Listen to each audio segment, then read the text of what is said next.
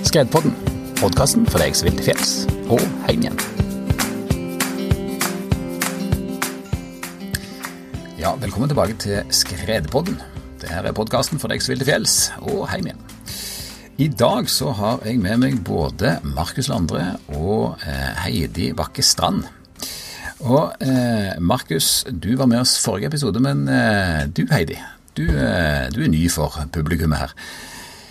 Hva holder du på med til vanlig når du ikke sitter i podkast her med oss? Jeg er jo jeg er hydrolog og jobber, jobber, i NVE. Og jeg er en av de skredvarslerne som sitter og utarbeider de varslene du finner på Varsom. Ja, og eh, hva, hva, bakgrunn har du eh, før du begynte i NVE? Jeg, jo, jeg, har en mastergrad i snøhydrologi, faktisk. Eh, som, for hvordan snøen fordeler seg rundt om. Eh, så den er høyst relevant for dette her, da. Ja, Så du, du vet hva du snakker om. Det er jo eh, det er veldig bra for alle oss andre. Forstå i på det. det er veldig bra. Du, eh, for at vi skal liksom eh, Eh, kunne snakke om et snøskredvarsel, så er det jo fristende fristende å finne et. Eh, så jeg har tatt og bladd meg tilbake igjen i eh, kalenderen her på Varsom. Og eh, da bladde vi helt tilbake igjen til 1.1, og så eh, fant jeg fram skredvarselet for Jotunheimen. er det du som har skrevet det, Heidi? Det var i hvert fall et team, team av oss som, eh, som, skriver, sitter hver eneste dag gjennom hele varslingssesongen. Uansett om det er nyttårsaften eller julaften, så sitter vi jo og utarbeider snøskredvarsler.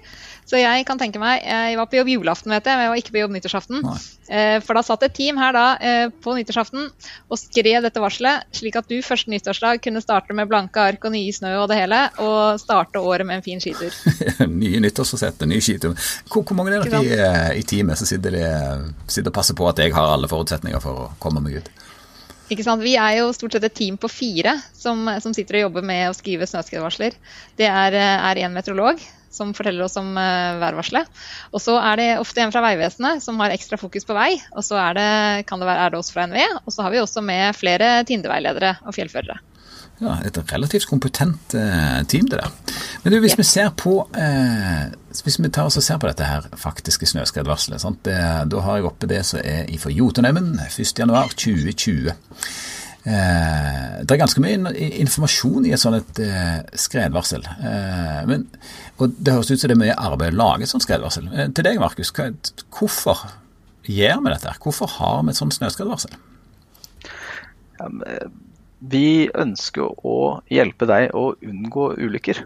Det er et forebyggende tiltak. Så sånn Historisk sett så var skredvarselet mynta på eh, bebyggelse og infrastruktur. sånn at, at noen, Når faregraden steg, så skulle eh, folk i de fjellandsbyene i Alpene liksom, eh, skalke lukene og stenge veien og sånn. At de eh, slapp under faren.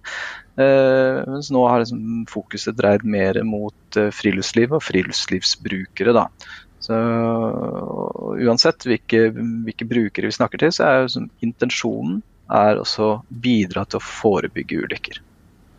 Ja, det er men eh, da, vi, da, er vi nødt til å ta for oss selve skredvarselet. For det, det, består liksom av flere deler her. og eh, hvis, jeg bare tenker, hvis vi starter på toppen Eh, så det aller første som, eh, som, står der, det er et tall. Faregraden. Hva er, hva er, den faregraden? Jeg ser jo at det her er en skala fra én til fem, men, men, hva betyr det?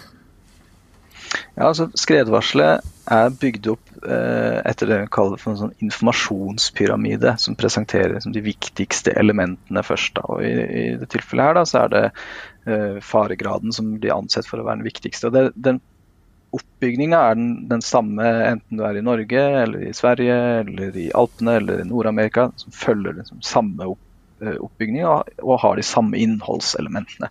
Så faregraden er en sånn sammenfatning av, uh, av uh, situasjonen. Det er sånn som du får den karakteren du får på prøven.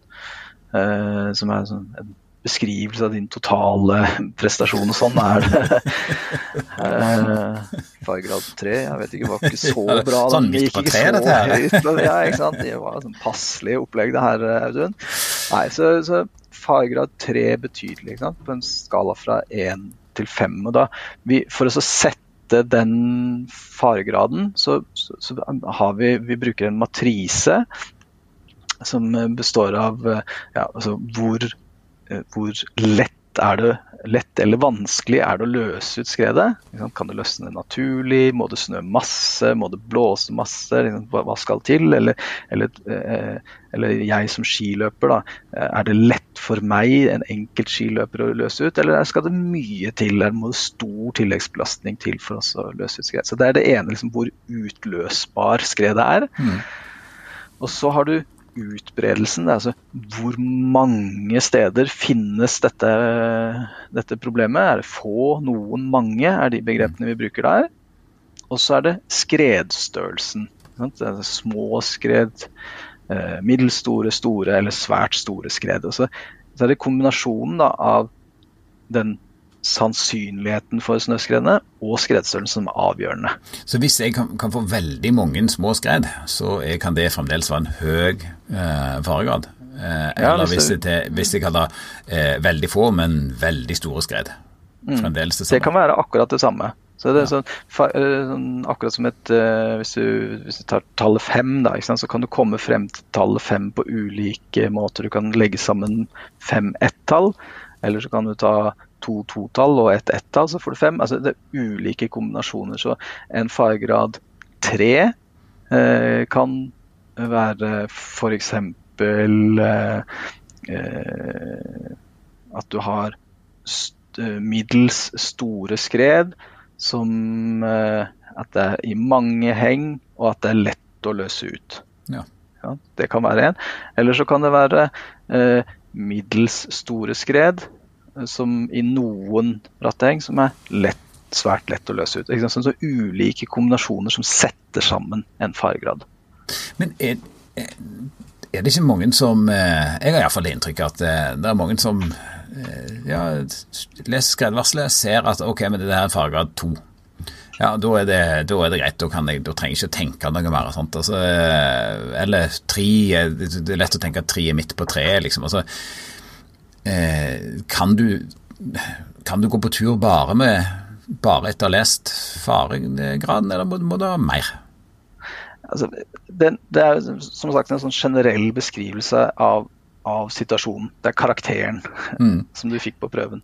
Og, og, og, jo høyere faregraden er, jo farligere er situasjonen, jo, jo mer utfordrende er den å være i, og jo, jo flere steder vil du potensielt komme ut i trøbbel. Så det er jo sånn Hvis, hvis du ikke har noe annet, eh, hvis du ikke eh, har så mye greie på snøskred, så, så, er det å velge en, å dra på tur i en lav faregrad kontra en som er vesentlig høyere, da, det bør være gunstig.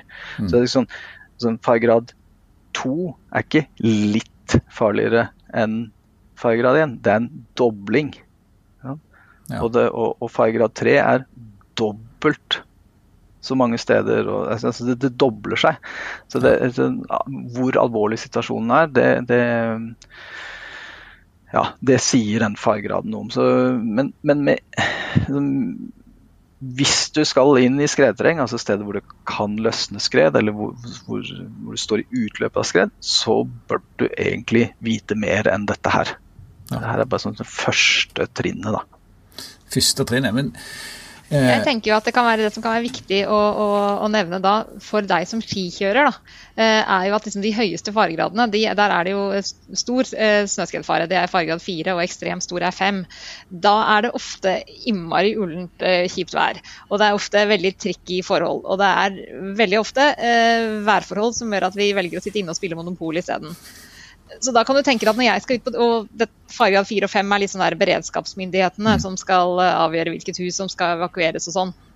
Uh, så når jeg skal ut på tur, så er det egentlig sånn tre faregrader jeg skal forholde meg til. Det er jo én, to og tre. Og da blir plutselig to og tre ganske høye likevel. Da blir ikke den, det den lille toeren. Det blir ja. den som er liksom midt på treet. Og den treeren er faktisk ganske høy. Det er ikke den i midten. Det er faktisk den, den mest høyeste skredfaren jeg som turgåer egentlig stort sett møter i fjellet. Og være, Den tankegangen tror jeg kan være viktig å få med seg når, når man bruker snøskredvarselet og fargegraden for å gå på tur. Jeg pleier ofte å si at liksom, faregrad 2 er en normal situasjon. Altså, det er det mm. som det er flest dager, så er det faregrad 2.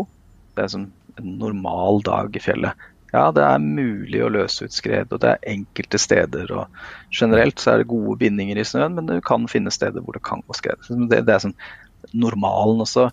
Hvis det, er spesielt, hvis det er spesielt stabilt, så er det som faregrad 1. Altså, hvis det er flere steder hvor dette er instabilt, eller skredene kan bli større, så blir det fort en faregrad 3. Så hvis du kan lese litt beskrivelsen da, på faregrad 3, så er det generelt ustabile forhold. Ja. Det er mange steder at du liksom kan råke borti det. Moderat til svake bindinger i mange bratteng. Det sier ja, jo, det er ganske alvorlige greier, dette her. Mens fargegrad 2 er det lokalt ustabile forhold, moderate bindinger i noen bratteng, for øvrig sterke bindinger. Så det er sånn det høres jo det høres, det høres mye triveligere ut. Ja, det er mye det er triveligere. ikke sant? Ja. Ja. Men vi skal jo være klar over at de fleste ulykkene skjer jo på fargrad 2 og 3. Så er, vi er nødt til å ha det med oss at, at uh, lokalt ustabilt det betyr at det er lokalt ustabilt selv på fargrad 2. Det er ikke et ut og kjøre rett frem. Men et, et, altså I Tromsø så syns jeg at det er halve vinteren er det fargrad 3. Sant? Det drar seg til med noe skitvær, og så er det fargrad 3. Pang. Jo, men det, kan jo, det er jo sånn avhengig av eh, skredproblemet. da noen situasjoner, årsakene liksom, til at skred løsner, eh, stabiliserer seg fort. Så Da vil du ha en sånn rask stigning av faregraden, f.eks. nysnø. Hvis du har et gammelt, stabilt snødekke, og så får du nysnø oppå det, og så gjerne med litt vind, ja, da får du en rask stigning av eh, skredfaren, og så stabiliserer det seg. Det kan skje i løpet av timer. Mm. Uh, mens hvis du har et vedvarende svakt lag, så, som navnet sier, da, så vil det, det vil ikke bli borte det kan følge deg som ikke bare en dag, ikke bare en uke, det kan følge deg en hel sesong. Ja, og Det er jo noe svineri, rett og slett. Ja. Det, er jo, det, er jo, sånn som vi har her. Det er jo den kalde, det vedvarende svake laget. Vi toucha så vidt på liksom skredproblem Eh, i eh, forrige podkast, men nå tenker jeg at vi må, eh, vi må, ta for oss liksom Hva er disse her skredproblemene som en alltid snakker om i skredvarselet? For det, det som vi er vant med å, å, høre og høre mye om, det er disse vedvarende svake lagene. Og I Tromsø så kjenner vi de som disse her type den kalde november når det, det blir masse rim, og så snør rimet ned, og så ligger han der som sånn minefelt resten av sesongen. Men kunne vi liksom tatt for oss hva, hvor mange sånne skredproblem har vi? Vi har fem hovedskredproblemer. Så det er nysnø, fokksnø, vedvarende svak lag, våtsnø og glideskred. Men de kan deles inn i noen undergrupper så for, for, eh, som på hva slags type skred de produserer, om det er løssnøskred eller om det er flakskred. Så det, nysnø det kan lage både flakskred og løssnøskred. Hvis det snør, og den snøen faller uten vind og det er ganske kaldt, så vil ikke snøen binde seg. Så da vil du få løssnøskred. Mens med en gang temperaturen er høy, eller det er litt vind inne i bildet mens det snør, så vil det bli flakskred av nysnøen. Og så har du fokksnø, som er snø som allerede ligger på bakken, og som blir flytta på og knust og til mindre krystaller og danner flak. Det er et sånn eget uh, skredproblem. Så har du vedvarende svake lag, som er rim eller kantkorn eller B-krystaller. Noe som skyldes temperaturforskjeller i snødekket, eller at det, det avsettes uh, fukt på snøflaten og, og, bygger krystaller. Det er det vi kaller vedvarende svake lag. Så når det snør ned, da, så blir det dårlig stemning. Eller hvis det gradvis utvikler seg sånn at det svekker stabiliteten i snødekket kan også skje. Så har du våte snø. Da er det igjen flakskred altså, eh, eller løssnøskred. Altså, eh, hvor våt snø, da er det enten pga. regn eller temperaturstigning eller solinnstråling. Altså noe som svekker bindingene i snøen. Eller øker belastninga. Det kan enten da løsnes som eh, løssnøskred hvis det er forhold for det, eller som flakskred hvis du har forhold for det. Så har du glideskred som skiller seg fra disse eh, skredproblemene ved at det ikke er noe sånn bruddmekanikk. Det er ikke noe sånn, den typen utløsningsfaktor. Da er det friksjonen mellom flaket og underlaget som blir gradvis dårligere. Og mm. så sklir dette her ut. Det er sånn helt crazy. Fullstendig uforutsigbart, da, nærmest. Mm. Så I tillegg så det er ikke et skredproblem som blir brukt eh, sånn aktivt, men vi har skavl og skavlbrudd i tillegg. Så I ja. prinsippet så har vi åtte problemer. Men du Heidi, når du sitter og så eh, varsler, og så skal du varsle, er det noen sånne skred, er det sånn, noen skredproblem du er, er ikke redd for, men du kommer på jobb og så bare uff, ah, nå er det dette her greiene her, dette er vanskelig. Det er noe som er vanskeligere enn noe annet? Jeg tenker at det, Utfordringen uh, vi jobber med, er jo særlig skredproblemet som heter vedvarende svake lag. Fordi de andre skredproblemene de finner man stort sett på overflaten av snøen.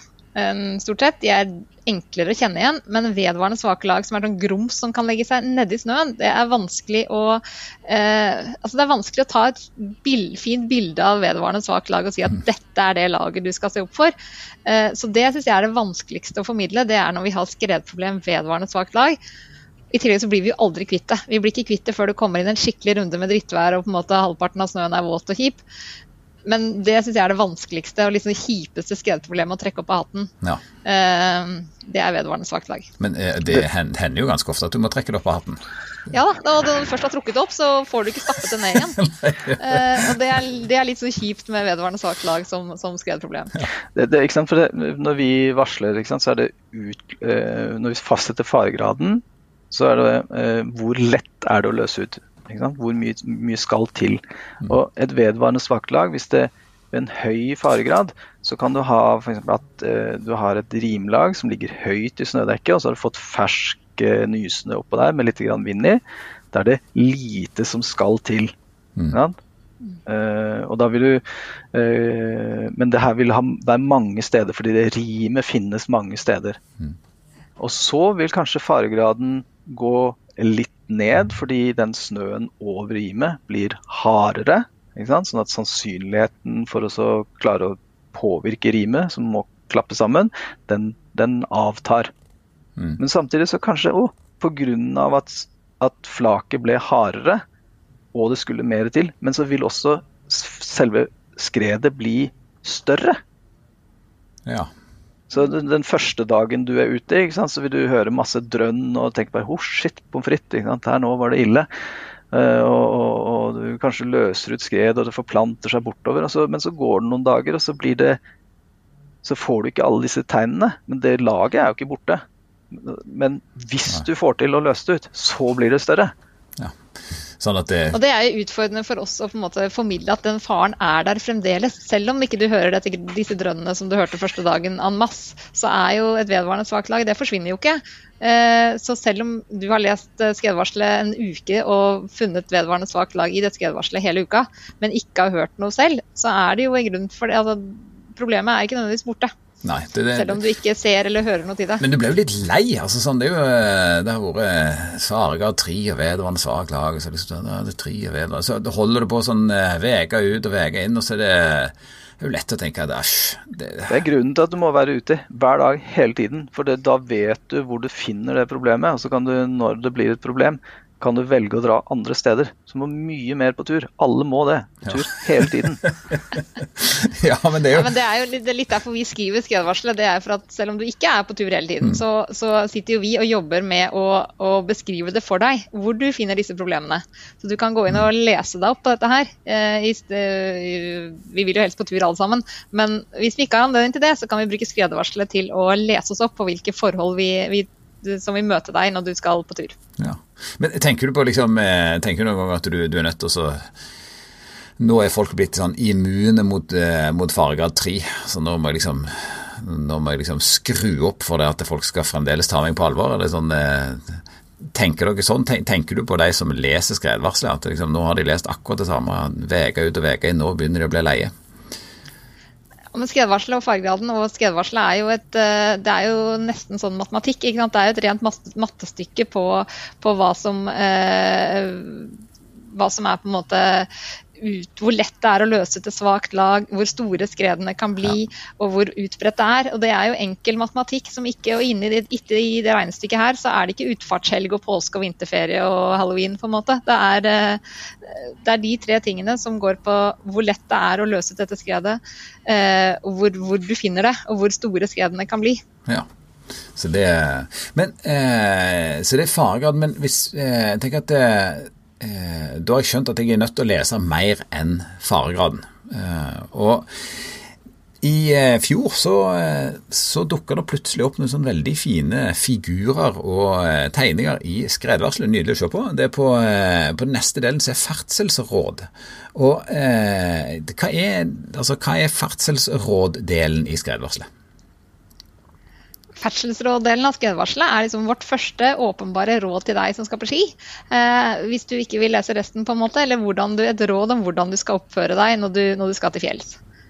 Ja, Det høres litt ut som sånn folkeskikk, liksom. Sånn, gjør dette her og sånn. Uh... Ja, hils pent på fjellet. Nei, ja, og, men, uh, det, og de ulike skredproblemene har sine ulike ferdselsråd. For det er forskjellig i forhold til hvordan snøen er oppbygd. Så er det forskjellig hvordan du bør gå for å unngå problemene, og hva du bør gjøre for å unngå snøskred. Ja, og Hvis vi ser på dette her snøskredvarselet for, uh, som vi har fiska fram, da, se for Jotunheimen 1.1.2020 Eh, så er det eh, to sånne tegninger, og den, eh, den ene den er der, der, står det 'Unngå terreng brattere enn 30 grader og utløpssoner for skred'. Fjernutløsning er sannsynlig.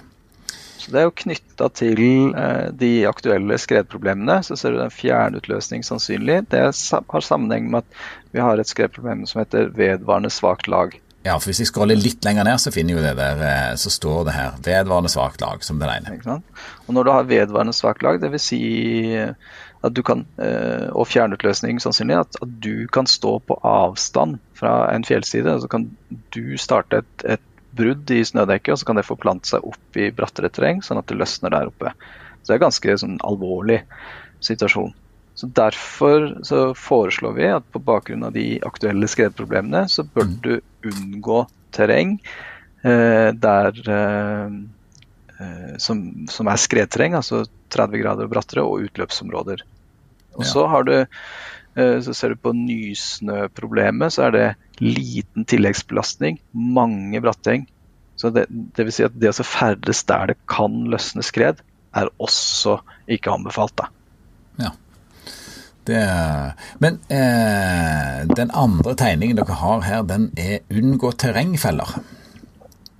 Hva ja, det er noe som går igjen eh, Ja, nei, det, det, det, er ting som øker konsekvensen av et skred. Så enten at du blir feid utfor et stup, eller at du blir ført inn i skogen, eller at du blir dypt begravd fordi liksom, snøen vil bygge seg oppover deg. Så alt som øker konsekvensene av et skred, eh, kan vi kalle for en terrengfelle. Og det, det går igjen i ulykkesstatistikken, ikke bare i Norge, men i Alpene også. Det er at uh, folk uh, omkommer veldig, veldig ofte når det er vedvarende svake lag som er problemet, og det er terrengfeller inne i bildet.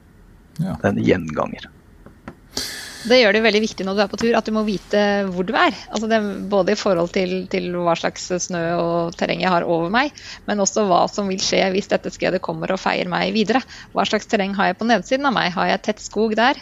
Har jeg stup? Har jeg klipper? Eh, bekkedaler? Eh, så det underbygger det at det er utrolig viktig når du er på tur, at du vet hvor du er i forhold til terrenget rundt deg. Mm.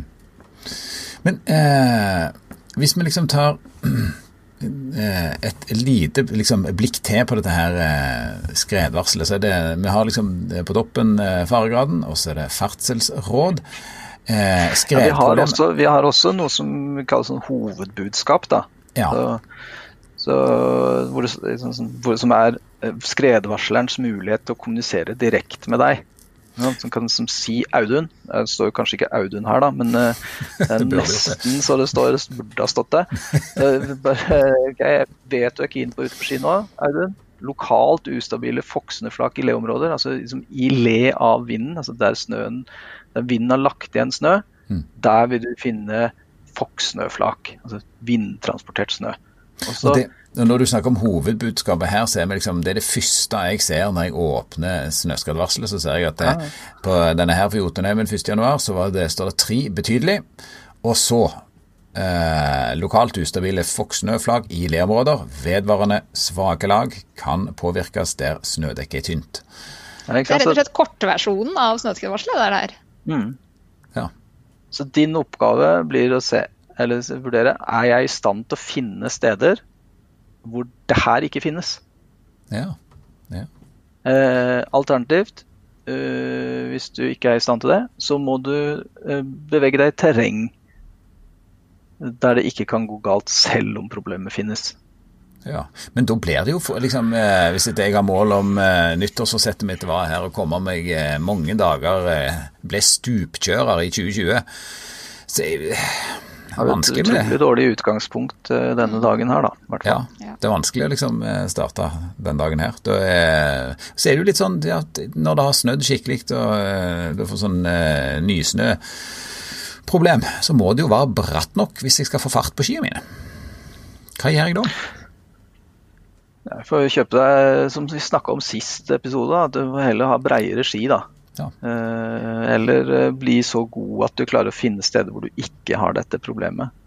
Vi prøver jo i varselet til å knytte til hvert enkelt skredproblem, så knytter vi på en måte tilleggsinformasjon.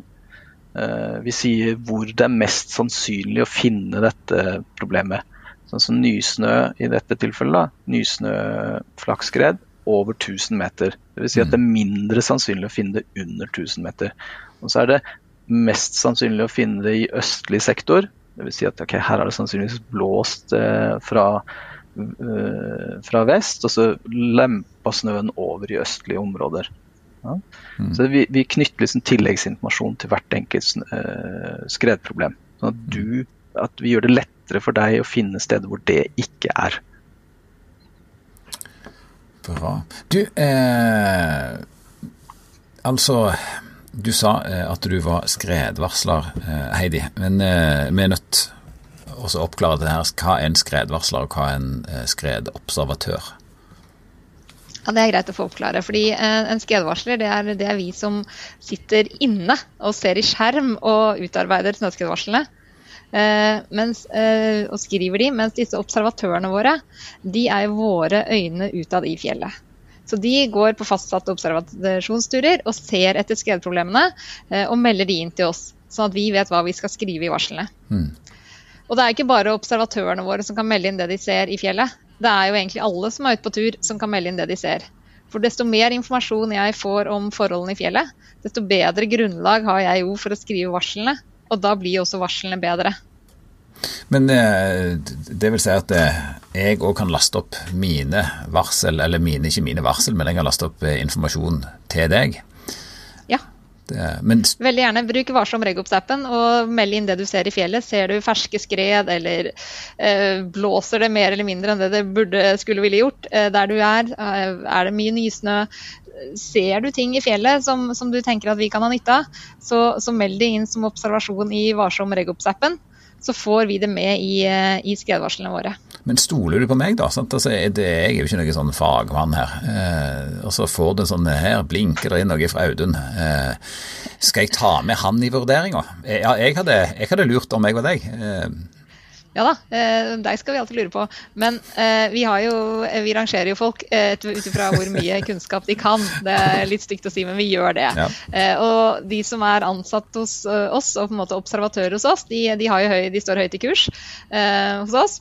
Og de vektlegger vi mye. Men jeg vet jo også at det er innmari mange andre som ferdes i fjellet og sitter på verdifull informasjon som jeg har nytta i varslene mine.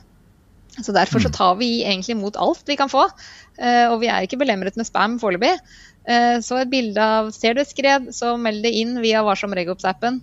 Eh, snør det eller blåser det, eller ser du vindtransport av snø, ser du faretegn, så meld det inn til oss, for da blir liksom varslene i din region bedre.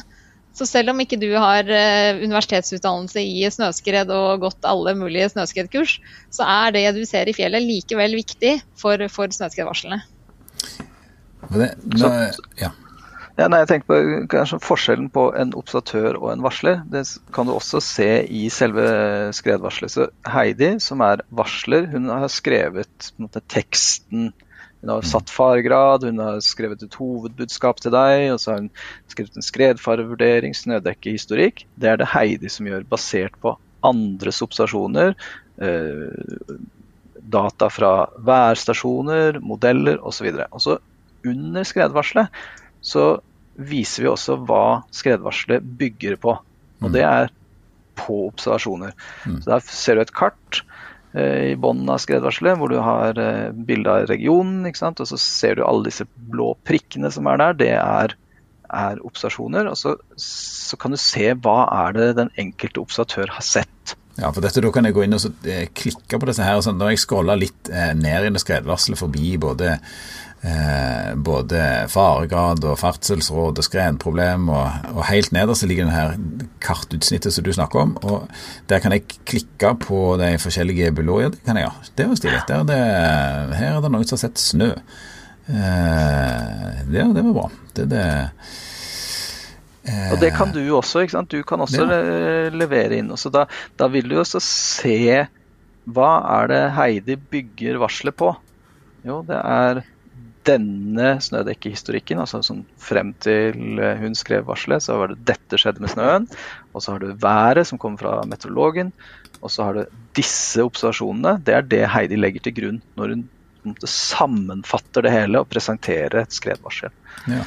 Så gitt at vi satt der på nyttårsaften og skrev, skrev, skrev uh, dette skredvarselet, og alle for Jotunheimen og alle observasjonene vi hadde til da, f.eks. kom fra én en en del av regionen, bare sør i regionen f.eks., uh, og du skal på tur nord i regionen, uh, så ville du også kunne se hva slags, at det var litt tynt med observasjoner nord i regionen i dette varselet. Jeg sitter faktisk og ser på det nå, at det, i, i det kartutsnittet så er det Eh, som ligger med det skredvarselet, så, så er de klumpa veldig sammen. Eh, mange av de observasjonene. Så er det relativt tynt. liksom sånn Du kommer rundt Glittertind og Gjendesheim, og liksom Der er det jo ingenting. Hvordan i all verden vet du Da vet du ja. Kjør på, Heidi. Da vet du både at varselet kanskje er litt mer usikkert i de områdene, og du vet at jeg vil veldig veldig, veldig gjerne ha observasjoner fra det området òg at hvis du sender inn det, selv om det, selv om det er deg, så, så, vil jeg kanskje vektlegge den litt ekstra mye, da, for jeg har jo ingenting annet fra det området. Så nå kan jeg bli tatt på alvor, da reiser jeg til en plass der ingen ja, ja, andre har vært, og da hører du meg. ja, men det er veldig bra. Så jeg tror det er liksom både og. Du, du, det, sier, det kan fortelle deg noe om kvaliteten på varselet, men det gir deg også muligheten til å påvirke varselet i, i den delen av regionen hvor du ferdes. Ja, ja. ja det var interessant. Du ser akkurat nå i det tilfellet her, da, med eksempelet i Jotunheimen, så er det det er ikke så mange som ferdes eh, midt inne i den regionen. da, eh, midt første, i sånn, første eh, nyttårsdag. Det er ganske vanskelig å komme til. ikke sant? Valdres er mm, kanskje ja, stengt. og gjort dette, ikke sant? Så det, men vi, vi varsler jo vi, vi, tar jo utgangspunkt i de dataene vi har mm. til enhver tid, og så prøver vi også å formidle det til deg på best mulig måte. da. Ja. Så Med en gang vi får oppdatert informasjon, så kan vi velge å oppdatere varselet. Det er også når du som skal bruke dette her, at du, eh, du leser varselet, så ser du ok, det, dette ble lagt til grunn og sånn. Så ja, kanskje det er noen som har vært ute etter at Heidi skrev dette varselet. Mm. Etter at varselet ble publisert. Kanskje har vært noen som har vært på kveldstur eller morgentur, hva vet jeg. Og så har de øh, sett noe som de har delt med fellesskapet. Og da kan du få oppdatert informasjon ved å se på observasjonene. Ja. jeg ser det Helt i bånn her så, det, så, finner jeg liksom observasjoner fra Regops siste tre døgn. Og så her er det en lang Overraskende lang liste, må jeg si, til å være 1.1. Eh, men det... det er ikke alle som ligger i fosterstilling på, på sofaen 1.1. Det, er jo, det er jo folk som vil på tur også. ja, åpenbart her i hvert fall. Ja, det er mange, eh, mange nyttårsforsett, du. Ja, men det var, det, det var, interessant. Men det er et eh, Vi har liksom vært gjennom mye av skredvarselet her, men så er det, så er det bare sånn et par andre faner som, eh, som eh, liksom helt i bånn handler om snødekkehistorikk og fjellvær. Eh, og over det en sånn skredfarevurdering. Men hva er, hva er, det jeg finner her nede i bunnen? Der finner, en, der finner, du enda mer kjøtt på beina, eh, rett og slett. Og så finner du på en måte grunnlagsdataene for, eh, for resten av skredvarselet. Ja. For det du finner under snødekkehistorikken, det er jo observasjonene satt i sammenheng. En beskrivelse av hvordan, hvordan snøen er i den regionen. Mm. Og Leser du den nøye, så vil du kanskje finne ut uh, hvor det er bra snø og hvor det ikke er bra snø. Ah, stalltips. Uh, og sånn som i dette varselet her, så er det kanskje spesifisert hvor de ulike observasjonene er fra. Uh, hvor i regionen ting, snøen er slik, og hvor i regionen den er sånn. Mm. så det er det ene. Og så tenker du at liksom, snødekkehistorikken sier noe om snøen, sånn som, jeg, sånn som vi har vurdert den til nå. Og så kommer jo meteorologen eh, med værmeldingen sin, som da er fjellværet. En egen værmelding som er skrevet liksom for fjellområdene som ikke har med Ona fyr og Lista fyr og Færder, liksom. Men dette her er ren eh, værvarsel for fjellet. Og når du har den snødekkehistorikken, altså beskrivelsen av snøen som ligger der fra før av, og værvarselet, så gir det liksom til sammen skredfarevurderingen, som er eh, en beskrivelse, altså litt mer kjøtt på beinet enn en det korte budskapet du fikk sammen med fargegraden, eh, om hvor, eh, hvordan skredfaren er i den regionen du skal på tur i. Ja. Så her kan jeg liksom forstå hva du tenker på et vis? Ja, jeg blottlegger litt, litt, som, litt, sånn som observatørene eller dere som er ute i felt, gir meg eh, den informasjonen av hva dere ser i fjellet. Så blottlegger jeg på en måte også hva jeg tenker og hvordan jeg vurderer eh, situasjonen. Ja, det... Det er ikke sant, Istedenfor eh, vi, vi kunne jo Egentlig så kunne vi bare presentert faregraden. Altså et eller annet tall, og så måtte du forholde deg til det. Mm. Så, mens her viser vi hvordan vi kommer frem til tallet, hva vi baserer det tallet på. Eh, og hva som utgjør tallet. Ja. Det, ja, men det, det er jo litt av et eh, system. Eh, ganske mange folk i sving, slår det meg, for å produsere dette her skredvarselet. Vi har jo bare I NVE så har vi avtale med over 70 observatører. Og så har vi vel 20 fra Vegvesenet og eh, 10-12 kanskje fra, fra Meteorologisk institutt som er ute og gjør dette her. Og så I tillegg så har vi frivillige som deg og andre som er på, på skifjellet. Så det, det, er en hel gjeng sant, som er ute til fjells gjennom hele vinteren. Fra midten av november til ja, ut i juni. Og legger inn observasjoner som vi bruker i varselet. Så det er jo et voldsomt apparat som er i sving for at vi skal ha best mulig mulighet til å planlegge turer. Ja.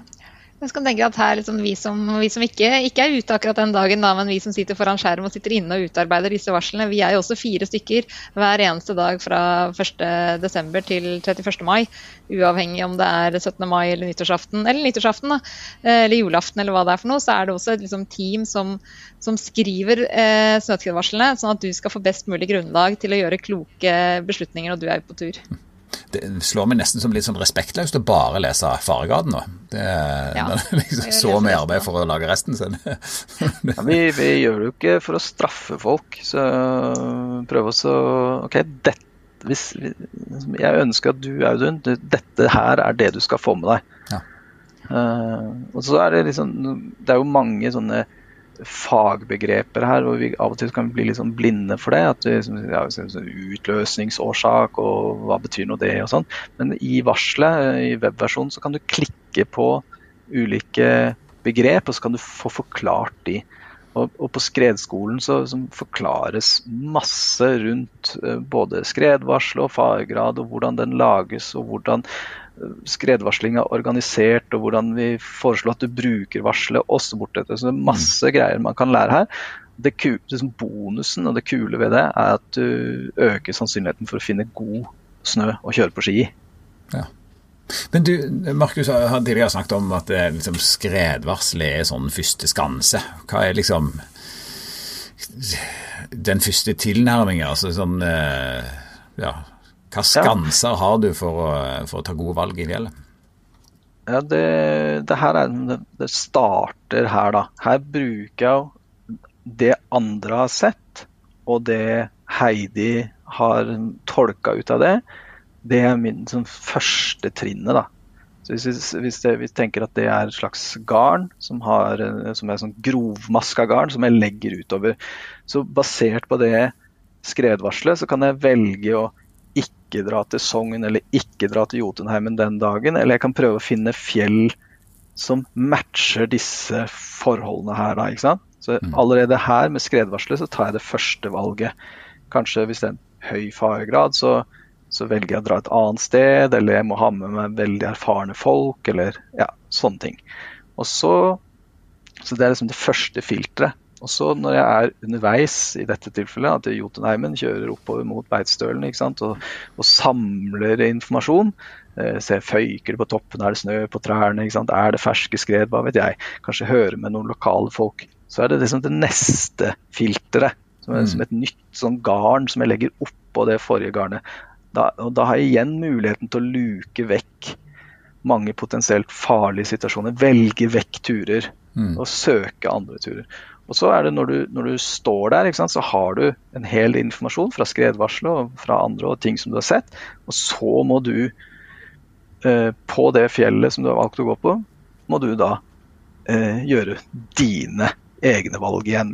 Som er liksom den siste, siste skansen. Det siste filteret. Så da, men, du har i hvert fall tre mulige barrierer da, til å unngå å havne i trøbbel. Men hvis eh, altså Du ser det skredvarselet sier du, Heidi, skriver du for en stor region.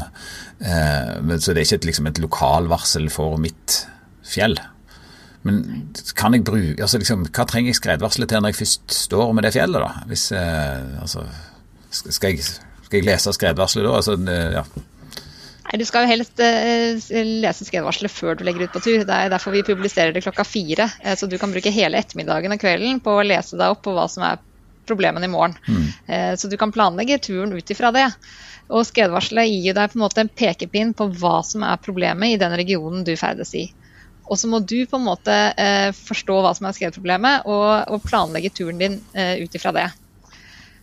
Mm. Så skredvarselet er jo på en måte en, et regionalt varsel, og ikke noe varsel for om et, et heng eller den fjelltoppen du har tenkt på å gå på, er, er trygg å gå på. Mm. Så det er fremdeles mitt ansvar?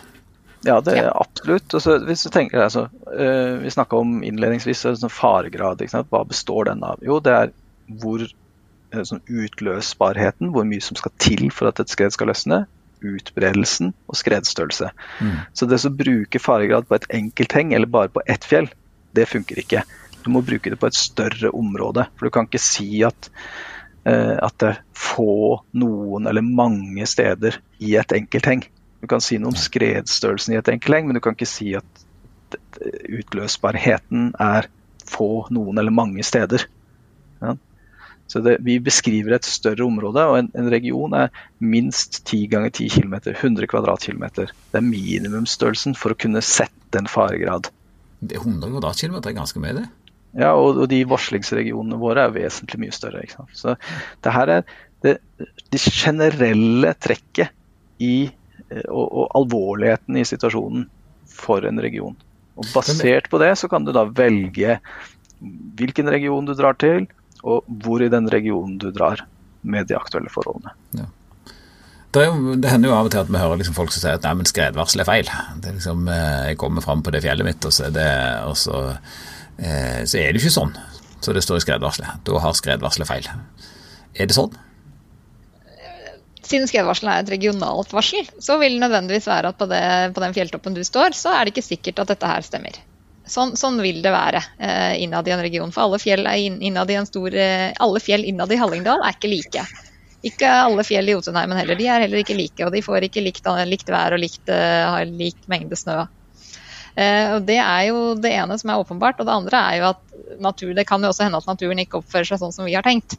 Uh, det er også en medvirkende faktor. Men det, det som er viktigst med skredvarselet, er jo at du på en måte ikke bare har lest faregraden, men at du også har lest skredproblemene. For da har du greie på hva du skal se etter der, i det området, i den delen av regionen du er. Det, det, når, du har, eh, når du har publisert skredvarselet, så er det tenker at ok, men nå ferdig på jobb. Er det sånn, Går du hjem med en klump i magen, eller er det, er det liksom trygt og godt å vite at dette her var, dette var rett, eller? Ja, Det er jo naturen igjen vi har med å gjøre, naturen eh, gjør ofte det den selv vil. Eh, men det vi, vi, vi gjør jo, har jo laget skredvarselet med all den informasjonen vi på det tidspunktet hadde.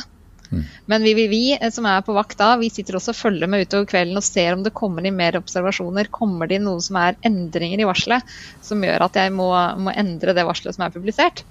Eh, men stort sett så går vi jo hjem og er, eh, er fornøyd med det produktet vi har levert, og tenker at nå er, det, nå er det opp til dere som ferdes i fjellet, å eh, ta den informasjonen som er i skredvarselet, og bruke den til å eh, gjøre gode vurderinger i fjellet. Jeg tenker at det, er en, eh, det her er en fin avslutning. At det er opp til oss som skal ut i fjellet og ta med oss den informasjonen som står i skredvarselet. Og så ta det med oss når vi skal gjøre gode vurderinger i fjellet. Markus og Heidi, tusen takk for at dere var med.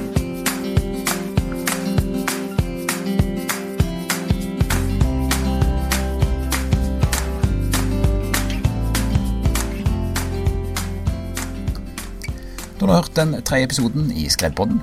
Så hvis du abonnerer på oss der du finner podkast, så får du med deg alt det nye som kommer. Og så kan du òg like Care si Facebook-side, og kanskje Varsoms Facebook-side, så holder du deg oppdatert. Vi i Care vi er i gang med et veldig stort prosjekt nå, for å prøve å finne ut hvordan vi kan tilrettelegge for at folk tar, kan ta bedre beslutninger i fjellet. Så trenger vi å lære. Og For å få til det, så trenger vi også å fylle folk over tid. Så eh, nå er vi ute med en eh, undersøkelse der vi har lyst til å fylle folk over flere sesonger.